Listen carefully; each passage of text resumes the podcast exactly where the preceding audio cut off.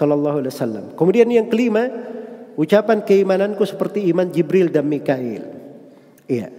Wala naqulu kaimana Jibril wa Mikail lianna imanahuma mutaqabbal. Kita tidak berkata seperti iman Jibril dan Mikail. Ya pastikan. Karena imannya Jibril dan Mikail itu sudah diterima oleh Allah.